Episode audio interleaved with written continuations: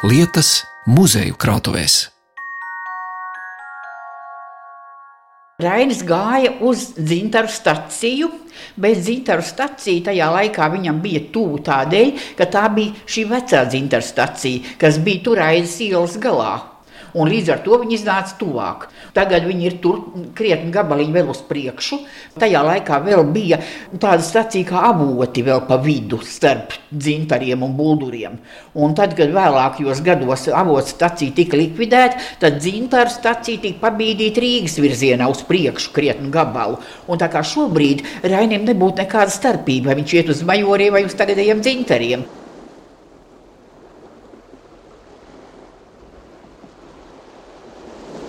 Tā par dzinieka savulaik staigātiem ceļiem stāsta Memoriālo muzeja apvienības, Raņa un Aspazijas vasarnīcas muzeja galvenā speciāliste un lieliska stāstniece Astrīda Cīrule.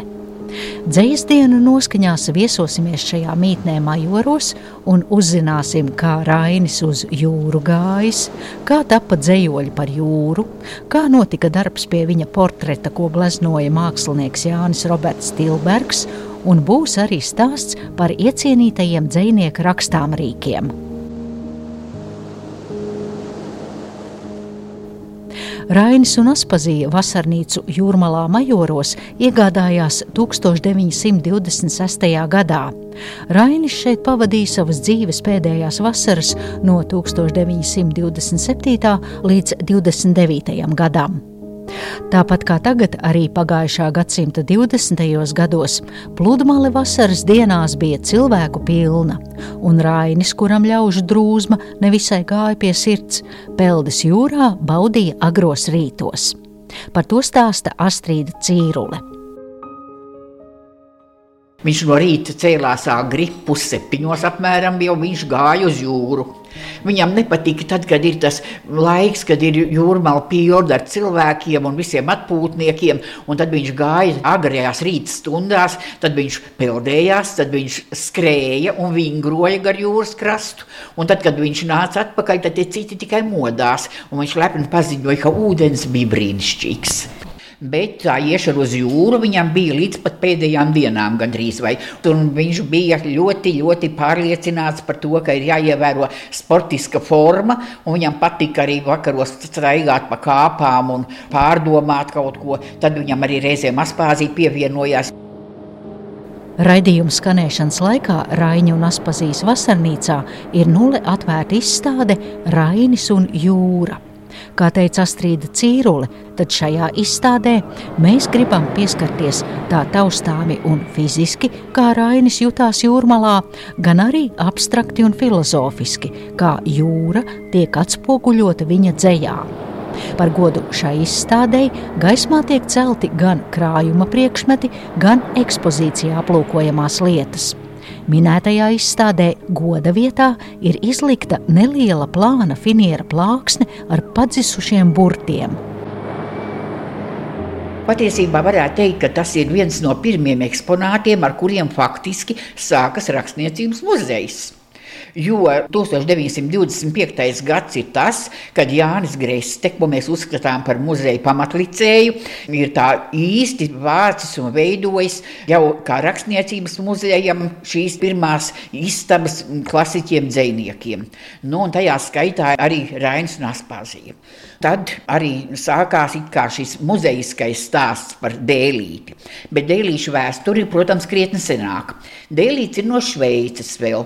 Uz dēlīšu te ir tāds uzraksts, kas ir Austrai Krauzei Ozoliņai.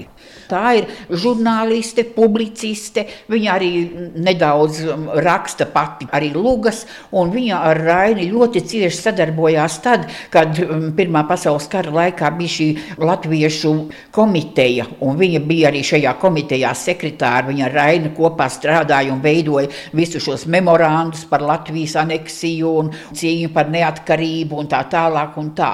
Tā kā viņi bija ļoti, ļoti cieši saistīti šajā laikā. Šveicē.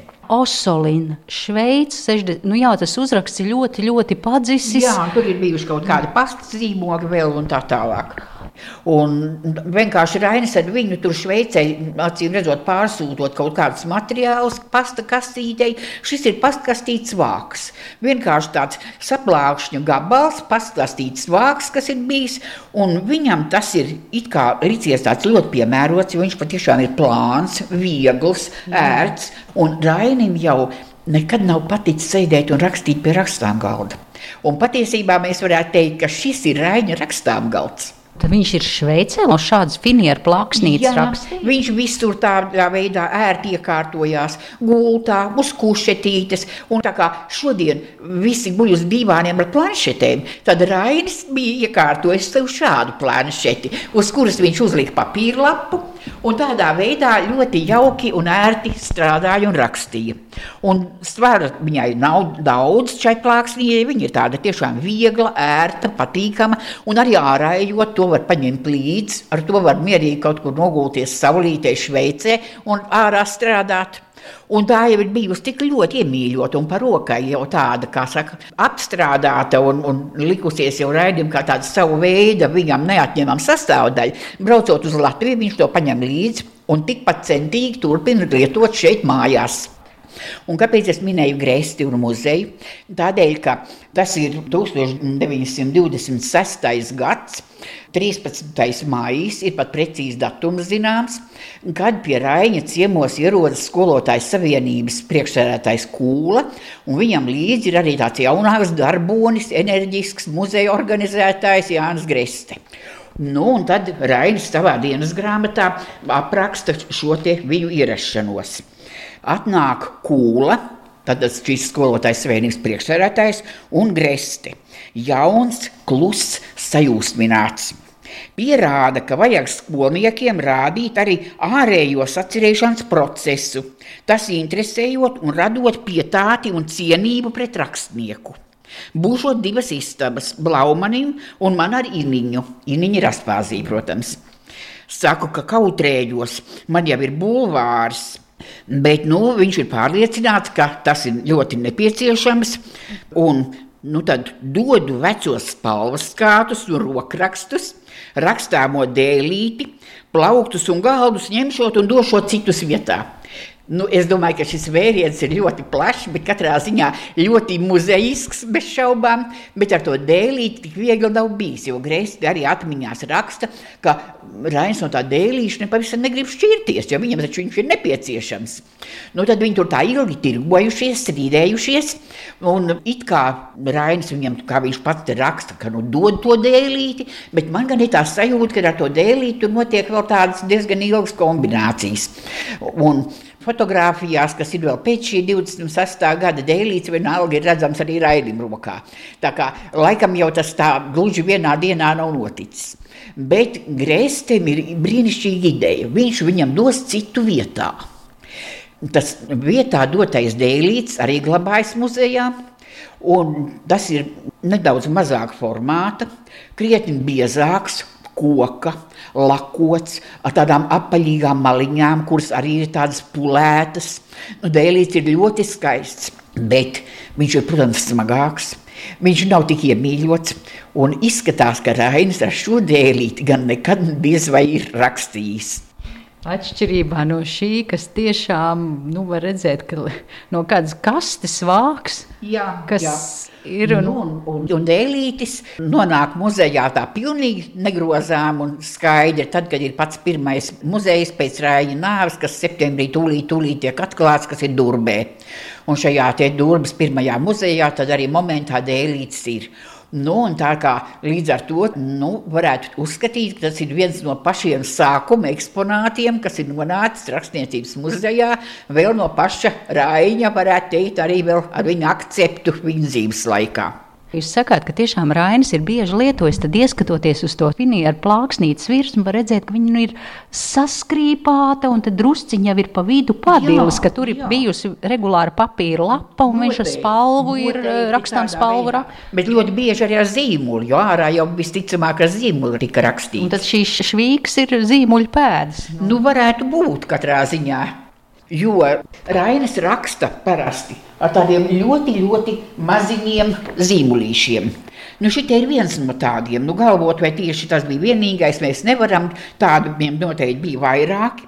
Bet nu, kāpēc jāraksta tik mazu īsu zīmolīti un reizēm arī tādu smalku un trauslu? Nu, Rainis pats ir kaut kad izteicies, ka ja viņš ar to zīmolīti ir veiksmīgi rakstījis un viņam kaut kas ir izdevies, tad tas ir laimīgs. Un tad ar tādu jau raksta, kamēr vien vēl var parakstīt. Mērija Saules Lēne, kas arī darbojās šī pirmā muzeja veidošanā, un 29. gadā ar Raini kopā apspriedās par to, kādam vajadzētu būt šim pirmajam Raņu muzejam. Un pastaigājoties kāpās, viņi redz, ka Rainis izņem no kabatas mazu piezīmju grāmatiņu un miniatūru zīmolīti.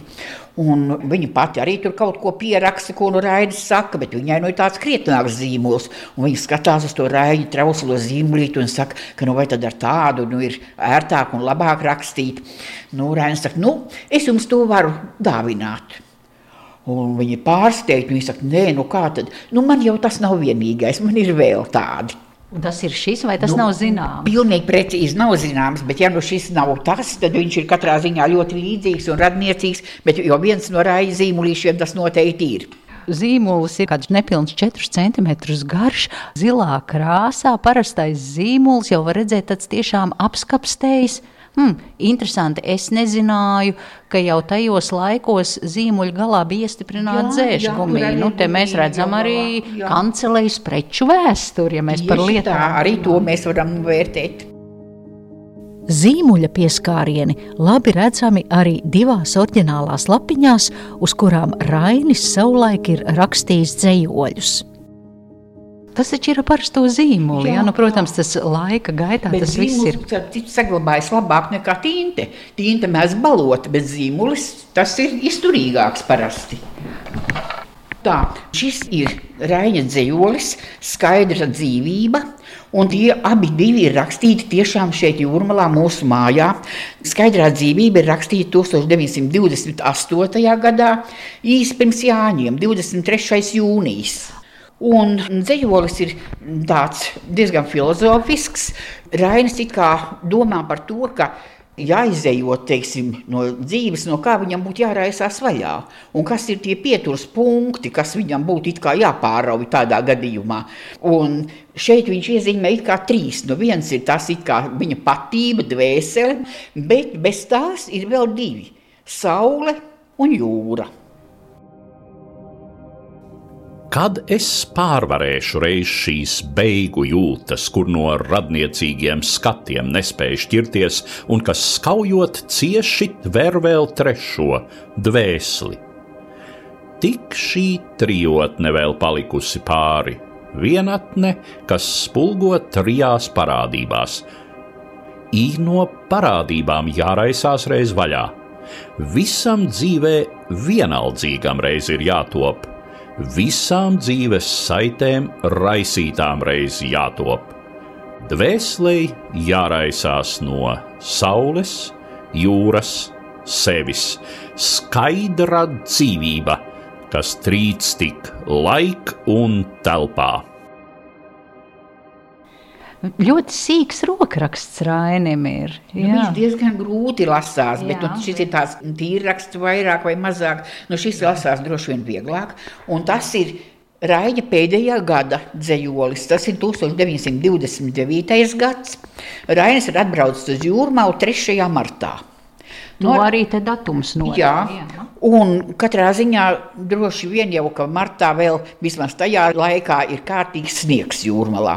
Un arī jūra no krasta ir aizsalusi. Bet nu Rainis šeit uzturas kādu brīdi un iet, protams, gar jūru staigāt, un pēc tam top dzējolis ar šādu it kā dīvainu nosaukumu Mēmā jūra. Rainis ir pieredzējis pie šīm jūras šļakstiem un jūras šaukoņas un jūras balss. Un tagad viņš ir pilnīgi pārsteigts, ka jūra ir sastingusi. Un man jādzird jūras dzīvā balss. Viņš nedzird šo dzīvo balsi.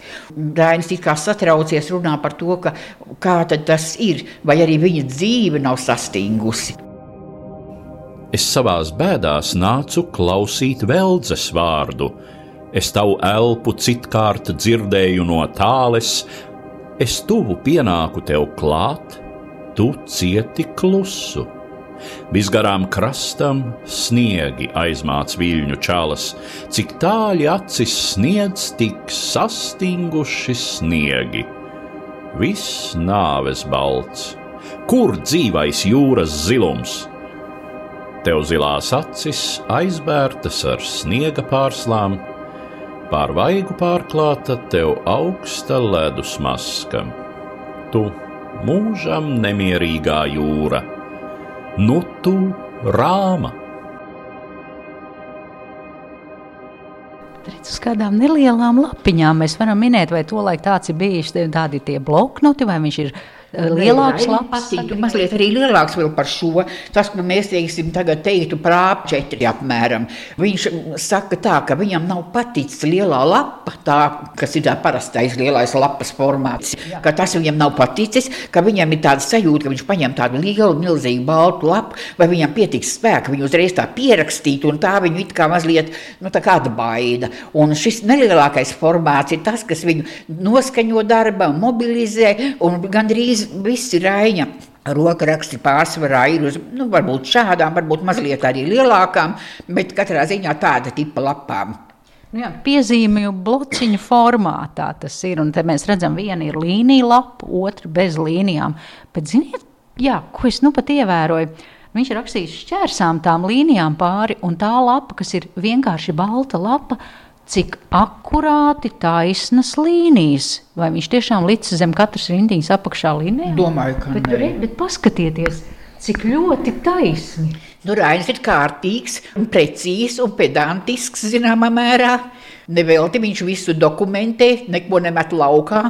Viņam ir miniatūra piezīmju grāmatiņa, tāda maziņa formātiņa, kurā viņš ir iekļāvis visas galvenās ziņas 14 gadus. Tad jūs varat iedomāties, cik sīkā rokrakstiņā, cik ārkārtīgi sīki un detalizēti. Un tur ir gan ieņēmumi, gan izdevumi, gan darbu veidi, gan viesi, kas ir ieradušies, un korespondence par katru gadu šādu te.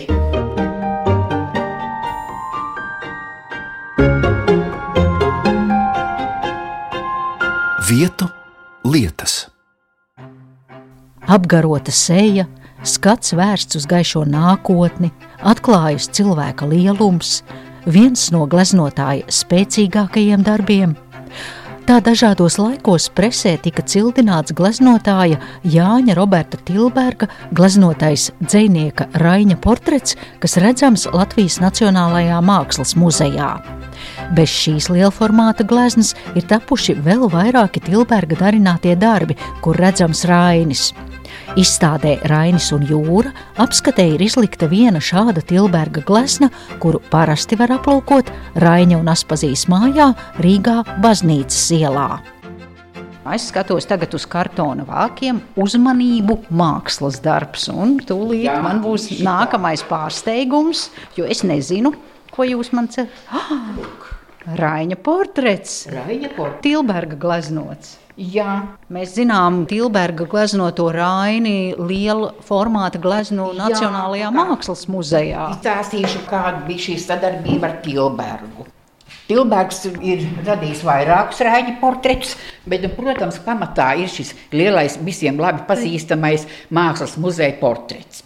Darbs pie šī portreta notika 24. gadā. 24. gada maijā Rainis ar Tilbergu tiekas Un Rainis ieraksta dienas grāmatā, ka Tilbergs nākšot mani portretēt. Pēc dažām dienām viņš iet uz Mākslas akadēmiju un notiek jau šī pirmā pozēšana. Nu, šī pozēšana tomēr ir diezgan daudz seansu bijis. Tas nav tikai viena vai divas reizes, bet salīdzinoši samērā daudz.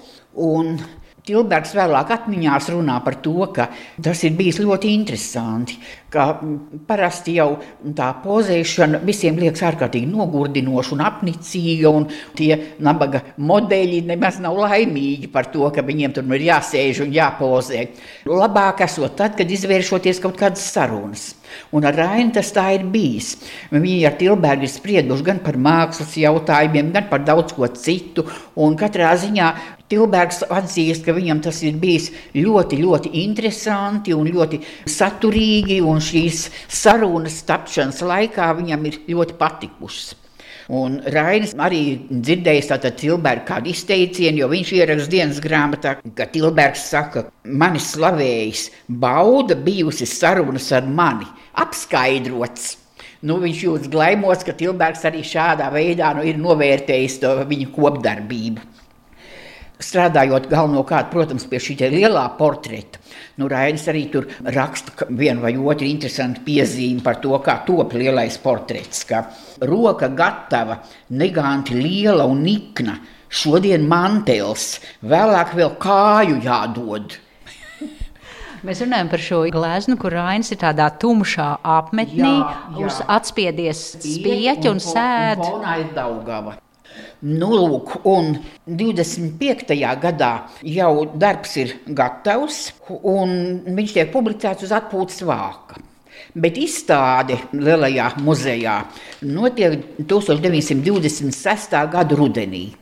Izstādes atklāšana ir bijusi 25. oktobrī, Bet Rainis acīm redzot, to atklāšanu nav gājis.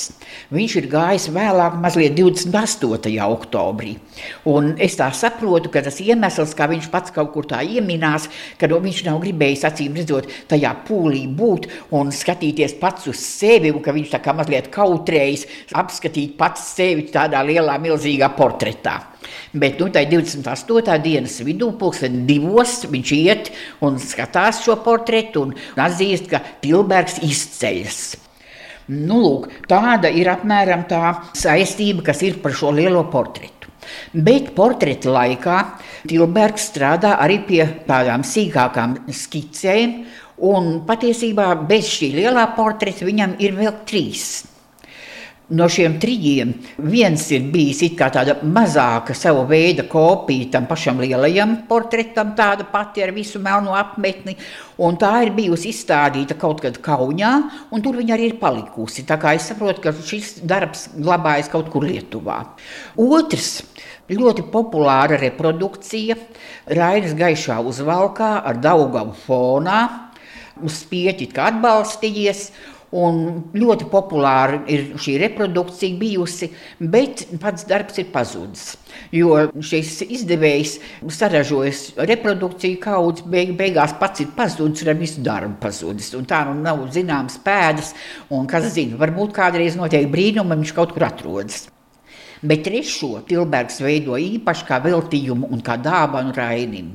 Un tā ir lūk šī te, ko jūs redzat. Tur vairs nav Daugava, tur fonā ir jūra.